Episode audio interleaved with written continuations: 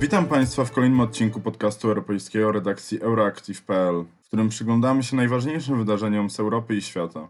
W dzisiejszym odcinku o wydarzeniach wprost za Atlantyku mam przyjemność rozmawiać z Januszem Reiterem, byłym ambasadorem Polski w Stanach Zjednoczonych i Republice Federalnej Niemiec, założycielem i przewodniczącym Rady Centrum Stosunków Międzynarodowych. Prezydentura Donalda Trumpa dobiega końca wraz z dzisiejszym oficjalnym zatwierdzeniem przez Kongres wygranej Joe Bidena.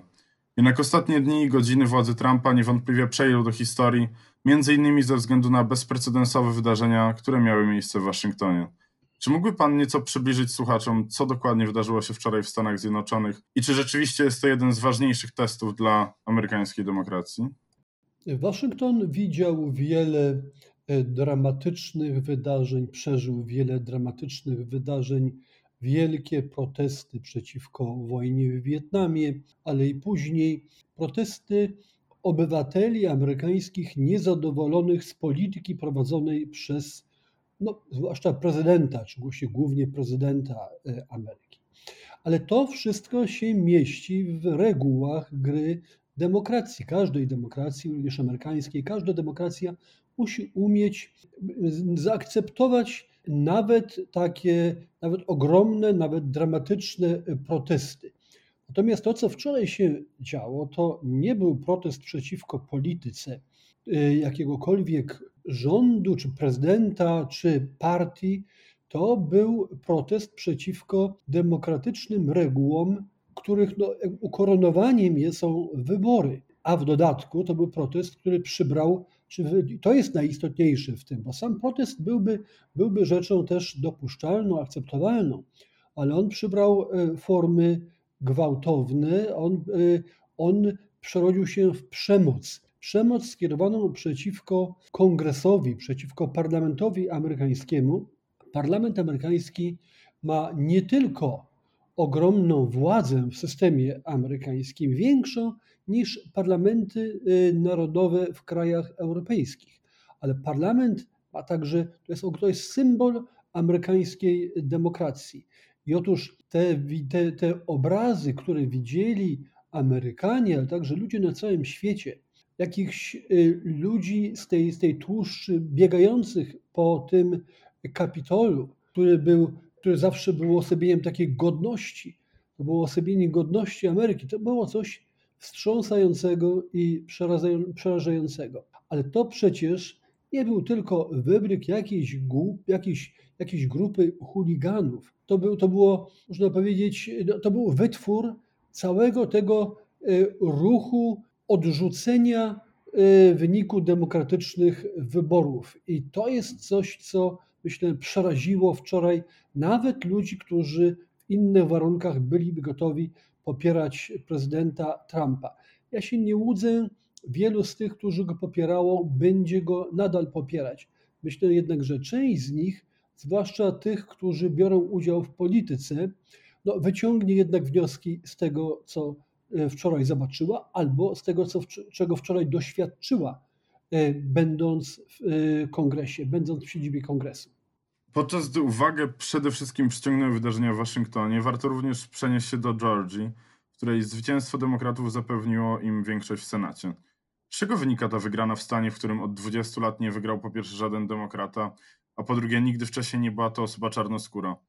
Czy oznacza to, że nawet tak zwane bastiony republikanów są już zmęczone czterema latami kontrowersyjnej i często mocno rasistowskiej polityki Trumpa?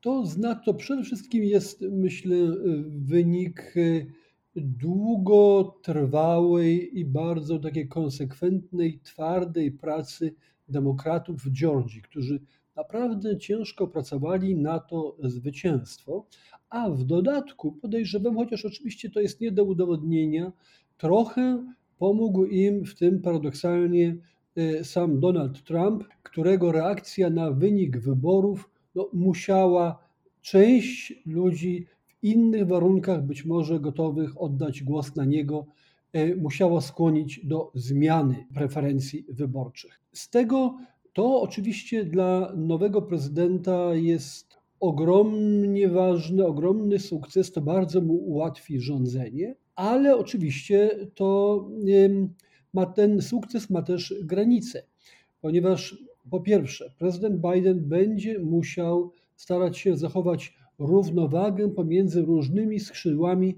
własnej partii, partii demokratycznej, co już samo w sobie nie jest rzeczą prostą.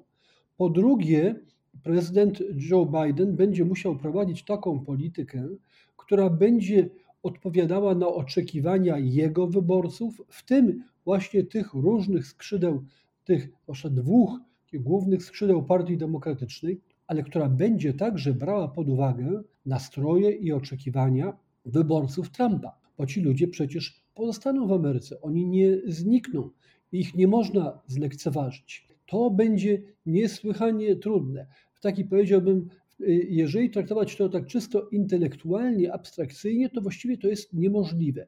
Na szczęście polityka nie kieruje się takimi zwykłymi regułami intelektualnymi. Polityka daje więcej możliwości i talent przywódczy pozwala pogodzić rzeczy, które wydawałyby się w innych warunkach nie do pogodzenia. Miejmy nadzieję, że jemu się to uda. A czego w takim razie spodziewałby się pan po, po nowo wybranym prezydencie? W jaki sposób on może on może mając wszystkie narzędzia, o których Pan wspomniał, postarać się o odbudowanie wspólnoty demokratycznej w Stanach Zjednoczonych, która jednak wedle komentatorów różnych tutaj stacji medialnych, no jednak znalazła się w, w, w chwili największego zagrożenia. Padają takie terminy jak zdrajcy, buntownicy, kryminaliści. E, mowa oczywiście o osobach, które wczoraj wdarły się na teren Kapitolu, ale też z tej drugiej strony, z tej strony, która wspiera byłego prezydenta, również padają e, ciężkie zarzuty w kierunku strony demokratycznej. Po pierwsze, cały problem Ameryki i ten dramat Ameryki nie rozpoczął się 6 e, stycznia. Po drugie, on się nawet nie rozpoczął 20 stycznia 2016 roku, kiedy objął władzę Donald Trump. On się rozpoczął znacznie wcześniej. Donald Trump niestety nie przyczynił się do tego, żeby ten problem rozwiązać. On ten problem zaostrzył, ponieważ on z tego dramatycznego podziału Ameryki uczynił oręż polityczny. On zrobił z tego instrument własnej polityki. To nie jest to, czego, czego naród może od swojego przywódcy oczekiwać. No, ale to znaczy, że ponieważ ten y, amerykański dramat narastał tak długo, to nie można oczekiwać realistycznie, że on w krótkim czasie zostanie zakończony. To musi trwać długo, to będzie bardzo trudne i będą w tym sukcesy i będą w tym e, porażki. Nie ma jednej prostej recepty na to, jak skleić znowu to społeczeństwo amerykańskie. Bo przecież to nie jest nawet tylko, to nie jest różnica, to nie jest konflikt, czy napięcie, czy konflikt pomiędzy bogatymi a biednymi. To nie jest zwykły konflikt społeczny, który można by stosunkowo łatwo rozwiązać poprzez pewne reformy społeczne. To jest głęboki konflikt kulturowy. Konfliktach kulturowych jest niesłychanie trudno o kompromis, ponieważ tam chodzi o rzeczy, które wydają się absolutne. A tam, gdzie chodzi o rzeczy absolutne, no to tam nie ma mowy o kompromisie. Ja mówiąc to nie sugeruję, że to jest konflikt nierozwiązalny. Ja tylko twierdzę, że jego rozwiązanie będzie trwało bardzo długo i będzie, będzie wynikiem nie, nie jednej akcji i nie jednej decyzji, tylko musi być wynikiem, trzeba będzie dłuż, dużego wysiłku i długiego czasu na to, żeby przekonać ludzi, którzy przez długi czas też oddalali się od tego, co jest rdzeniem amerykańskiej demokracji, do tego, aby oni powrócili tam. A bez tego nie będzie w Ameryce spokoju, bez tego nie będzie e, w Ameryce spraw, możliwości sprawnego rządzenia. To, co tych ludzi w Ameryce łączy, to nie jest pamięć o, nie wiem, tysiącu lat wspólnej historii, to nie są jakieś legendy średniowieczne. To są ludzie, którzy do tego kraju przyjechali w ciągu 250 lat. Niektórzy przyjechali do niego 10 lat temu, 5 lat temu, 50 lat temu. To, co ich łączy albo łączyło, to była wiara w pewien zespół wartości i ideałów. To symbolicznie nazywało się ten American Dream. I otóż ta wiara się załamała i ten twardy rdzeń, który łączył e, Amerykanów, zaczął topnieć. I to jest rzecz, którą cofnąć będzie niesłychanie trudno, ale to jest konieczne i ja wierzę też, że to jest możliwe. Natomiast to na pewno nie będzie ani łatwe, ani nie będzie to trwało krótko. Jaką rolę znajdowałby Pan tutaj dla, dla Partii Republikańskiej, tej przyszłości Stanów Zjednoczonych? Jak, jak politycy Partii Republikańskiej mogą wspomóc e, nowego prezydenta? Jak widzimy po wczorajszych wydarzeniach, sama partia, partia republikańska, partia Donalda Trumpa, no jednak zachowywała się, się dużo bardziej zachowawczo niż sam e, jej prezydent. W takim razie czego możemy się spodziewać po stronie prawicowej w Stanach Zjednoczonych? No to jest też wielki problem, ponieważ tej partii grozi, a właściwie ta partia już jest w kryzysie i to takim poważnym, głębokim kryzysie. I teraz y, wiele zależy od tego, czy uda się znaleźć w tej partii kogoś, kto potrafi siłą swojej osobowości nadać jej nowy kierunek i przywrócić jej wiarę w jej możliwości bez udziału Donalda Trumpa. Niestety na razie nie widać nikogo, kto miałby taką moc oddziaływania na jednak wiele milionów wyborców, jaką ma Donald Trump. I nawet jeżeli on część tej mocy, tej siły oddziaływania na te miliony ludzi wczoraj stracił, to tylko część. Bo byłoby chyba naiwnością oczekiwać, że oni wszyscy pod wrażeniem tych szokujących wydarzeń od niego się teraz odwrócą. Tego niestety nie można oczekiwać, a w dodatku nie widać nikogo, kto potrafiłby niezadowolenie przynajmniej części tej partii przekuć na jakiś nowy program dla tej partii. Czyli krótko mówiąc, wiele zależy od tego, na ile Partia Republikańska będzie się czuła skazana na Donalda Trumpa, a na ile uda się jej znaleźć kogoś, kto pozwoli jej zastąpić Donalda Trumpa i powiedzieć jemu któregoś dnia dziękujemy. Z Panem już dalej nie będziemy prowadzić polityki. Nawet jeżeli większość republikanów w kongresie wczoraj wykazała umiar, i to należy oczywiście docenić, to niestety nie ma żadnej pewności, że ten umiar będzie procentował polityce, w tym również w wyborach, których, które przecież w Ameryce są co kilka lat. Jeżeli nie takie jak teraz, to, to częściowe wybory do e, kongresu, ale przede wszystkim tę ogromną siłą, jaką jest Partia Republikańska, trzeba na nowo zorganizować, a może tego dokonać tylko przywódca akceptowany przez przynajmniej no, jakąś wyraźną większość tej partii. Kogoś takiego na razie niestety nie widać temu, temu konfliktowi kulturowemu, jak sam pan nazwał to, co się dzieje na naszych oczach w USA, towarzyszą również bardzo mocne nastroje antyestablishmentowe. I to widać i po jednej stronie, i po stronie Donalda Trumpa, który obiecał swoim wyborcom wysuszyć bagno, jak i po stronie demokratycznej, gdzie tacy politycy jak Bernie Sanders czy też Ocasio-Cortez mówią tutaj językiem nawiązującym do, do idei walki klas. Czy jesteśmy w stanie przewidzieć, że, że establishment amerykański podejmie tutaj jakąś inicjatywę w kierunku wyjścia naprzeciw tym nastrojom, postara się zreformować właśnie ten amerykański sen i otworzyć się na te, na te nastroje? Znaczy, pan już opisał tę y, polityczną scenę i pokazując, że to, co łączy tych ludzi, czy te wszystkie grupy, które pan wymienił, to jest niezadowolenie. Ale Powody tego niezadowolenia są zupełnie różne i sposoby i pomysły na to, jak tę sytuację naprawić, są też oczywiście czasami skrajnie sprzeczne, bo mamy z jednej strony lewicowe skrzydło Partii Demokratycznej, a po drugiej stronie mamy bardzo silny, taki konserwatywny, antyestablishmentowy nurt w Partii Republikańskiej. I to rzeczywiście co te oba, obie skrajności łączy, to jest niechęć do establishmentu. Co to znaczy establishment? Establishment to znaczy oczywiście w pewnym sensie, w Ameryce to znaczy pewna grupa ludzi, którzy ni niestety dopuścili do tego, że powstało wrażenie, że oni przestali się troszczyć o los społeczeństwa, a w gruncie rzeczy myślą tylko w kategoriach własnych interesów. Nie jest ważne, na ile to jest sprawiedliwe, a na ile nie, to nie jest, to, nie, to, to się nie wzięło znikąd. I nie jest ważne, że to krzywdzi wielu ludzi, bo krzywdzi na pewno wielu ludzi, ale niestety też trafnie oddaje, myślę, e, zaniechania i błędy wielu innych ludzi. Tych ostatnich jest pewnie nawet więcej, albo przynajmniej jest ich wystarczająco dużo, aby ten problem stał się, był realny i trzeba było go uznać za realny.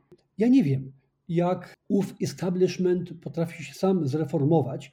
Być może on, ci ludzie, te tak zwane elity poczują, poczuły, że sytuacja jest tak groźna, że ona wymaga przemyślenia na nowo wielu e, rzeczy. Że ona wymaga przemyślenia na nowo na przykład e, relacji pomiędzy elitami gospodarczymi a społeczeństwem amerykańskim, że ona wymaga przemyślenia relacji pomiędzy wielkim biznesem a polityką, bo to też przecież jest część tego e, problemu. Natomiast to wszystko oczywiście nie dokona się znowu w, w ciągu jednego tygodnia, miesiąca czy nawet roku, ani to się nie stanie w wyniku jakiejś wspólnej dyskusji. To będzie bardzo burzliwy proces, natomiast ja wierzę, że ten proces może doprowadzić do odnowy amerykańskiego życia politycznego. Ameryka ma na to dosyć siły i Ameryka ma wystarczająco dużo utalentowanych ludzi, wartościowych ludzi, którzy wierzą w amerykańskie ideały. Im trzeba tylko teraz umożliwić zrobienie tego, do czego oni są zdolni, ale nie w sensie dokooptowania ich do y, tego tradycyjnego systemu, tylko pozwolić im trzeba na to, żeby oni ten system zreformowali. W tym wszystkim będzie musiał zarządzać nowy prezydent Joe Biden. Nie wiem, czy już dawno nie było chyba w Ameryce prezydenta, który miał przed sobą tak ogromne, tak właściwie przytłaczające e, wyzwanie, no ale Joe Biden z tego sobie zdawał sprawę, zdaje sprawę i myślę, że czuje się na siłach, aby temu wyzwaniu stawić czoła. Ja wierzę w to, że on ma wewnętrzną siłę, żeby to zrobić. A w takim razie, jaką e, przyszłość widzi Pan dla roli Stanów Zjednoczonych na arenie międzynarodowej? Jednak notowania administracji waszyngtońskiej spadały, że tak powiem, sukcesywnie w trakcie całej prezydentury Donalda Trumpa, a największy spadek zanotowały właśnie w tym roku, który przed chwilą pożegnaliśmy. I tutaj e, wpływ na to miał kryzys pandemiczny, które Stany Zjednoczone niezwykle ciężko zniosły. Miały w tym rolę swoją również i demonstracje wymierzone w przemoc policyjną, jak i na sam koniec tak naprawdę zachowanie samego prezydenta Donalda Trumpa, którego zachowanie wprost kończyło się właśnie tymi wydarzeniami, które widzieliśmy wczoraj. Jaką rolę teraz będą odgrywać Stany na, na arenie międzynarodowej w świetle tych wydarzeń?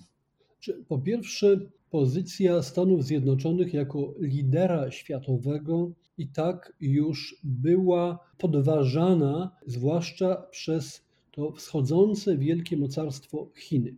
Chiny oczywiście nie staną się przywódcą światowym, ponieważ Chiny w przeciwieństwie do Ameryki są mocarstwem egoistycznym, znaczy takim, który, które myśli o własnych interesach. I z tego punktu widzenia zresztą to hasło Trumpa America First szkodziło też amerykańskim interesom, ponieważ ono sugerowało, że inne kraje, które liczyły na amerykańskie przywództwo, powinny się nad tym zastanowić, czy dobrze lokują swoje nadzieje. Mimo wszystko Chiny nie są alternatywą dla Ameryki, ale na pewno rosnąca pozycja Chin, a także agresywna postawa takich mocarstw jak Rosja niesłychanie utrudnia Ameryce jej przywódczą rolę, zwłaszcza, że ta względna siła Ameryki, zwłaszcza gospodarcza, jest dzisiaj jednak ograniczona. Ameryka jest nadal potężną gospodarką, najsilniejszą, największą, chociaż co do tego są już nawet pewne wątpliwości. Natomiast jej udział w gospodarce globalnej zmalał i będzie pewnie malał dalej. To znaczy, że Ameryka, żeby odgrywać rolę przywódczą, potrzebuje, potrzebuje partnerów. I otóż wiele krajów nadal będzie szukało sojuszu z Ameryką, ponieważ nie ma dla Ameryki w tym sensie alternatywy. Problem jest raczej w tym, że y, na ile Ameryka będzie zdolna dostarczać przykładu, inspiracji, natchnienia tym krajom, które tak jak Polska kiedyś y, w latach 80.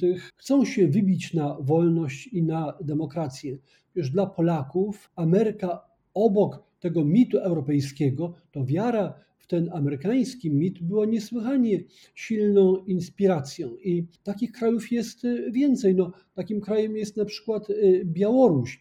Byłoby fatalnie, gdyby mm, takim autokratom jak Putin czy Erdoğan udało się przekonać ludzi, czy udało się nakłonić, skłonić ludzi do myślenia, że w gruncie rzeczy pomiędzy Rosją a Chinami, a Ameryką nie ma żadnej istotnej różnicy, jeżeli chodzi o sferę wartości, że całe to mówienie o wartościach to jest tylko mydlenie oczu. Dlatego przywrócenie światu tej wiary w Amerykę jako ten kraj, jako tę ostoję demokratycznych wartości, ideałów, ostoję tych ideałów wolności, to jest rzecz, no, która ma dla świata ogromne znaczenie, również oczywiście dla Europy. Nie ma się co łudzić, Europa, zwłaszcza ta zachodnia część Europy, będzie patrzyła na Amerykę, już patrzy na Amerykę ze znacznie większym dystansem będzie się pytała, nawet teraz, mimo radości z wygranej e, Joe Bidena, będzie się pytała, na ile ten nowy prezydent będzie w stanie rzeczywiście spełnić jej oczekiwania i będzie w stanie zapewnić jej no, takie warunki partnerstwa, jakich Europa oczekuje. Na ile on będzie miał siłę, a na ile on będzie uwikłany w wewnętrzne konflikty amerykańskie. A po drugie pytanie będzie oczywiście, e, drugie pytanie będzie brzmiało tak, czy ta epoka Trumpa minęła bezpowrotnie, czy też mamy tylko cztery lata względnego spokoju. Jak, jakiego spokoju, jak względnego, tego nie wiemy, ale, ale pewnie tylko względnego, a po czterech latach e, pojawi się albo ten sam Trump, albo nowy Trump. Czyli te wątpliwości pozostaną. I y, mam nadzieję, że uda się je szybko rozwiać, bo to jest ważne nie tylko dla Europy czy dla Polski, to jest ważne dla całego świata. Jeżeli wiara w możliwości przywódcze Ameryki trwale się załamie, to to spowoduje, że w świecie będzie więcej chaosu, a na tym my wszyscy ucierpimy. Na tym skorzystają tylko ci, którzy potrafią z chaosu y, wyciągnąć dla siebie korzyści. Takich trochę w świecie jest.